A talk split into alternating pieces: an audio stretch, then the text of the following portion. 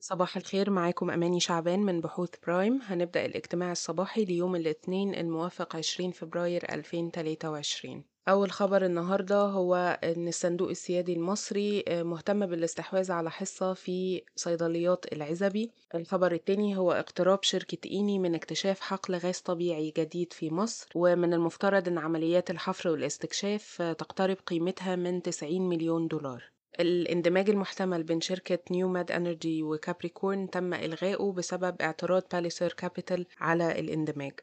كان من المفترض أن الكيان المندمج هيمتلك حقوق شركة كابريكورن في الحفر والاستكشاف في الصحراء الغربية لمصر. وآخر خبر هو تحرير الحكومة لأسعار الرز ابتداء من يوم 25 فبراير 2023 بالنسبة لأخبار الشركات أول خبر هو إعلان بنك البركة عن نتائج 2022 البنك استطاع أن هو ينمي صافي الربح ب 55% على أساس سنوي ليصل ل 1.8 مليار جنيه. ده كان على خلفية زيادة 25% على أساس سنوي في صافي الربح من العائد ل 3.4 مليار جنيه.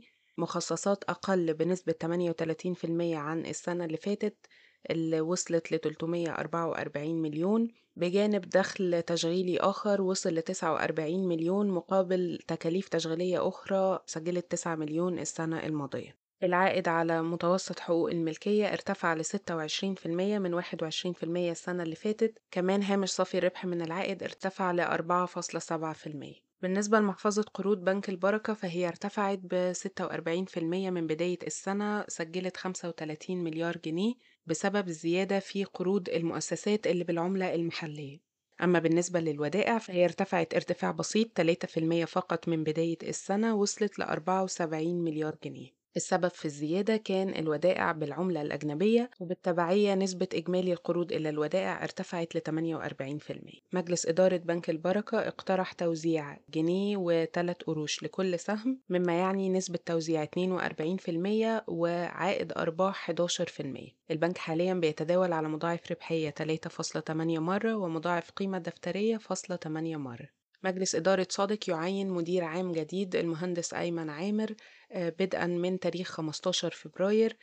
خلفا لأستاذ ماجد شريف استقال عن دوره ك managing director ل SODIC. مجلس إدارة طلعت مصطفى يوافق على توزيع أرباح بقيمة 20 قرش للسهم مما يعني عائد أرباح 2% والتوزيع هيكون على دفعتين كل قسط منهم 10 قروش. دي كانت أهم أخبارنا النهاردة. شكرا وصباح الخير.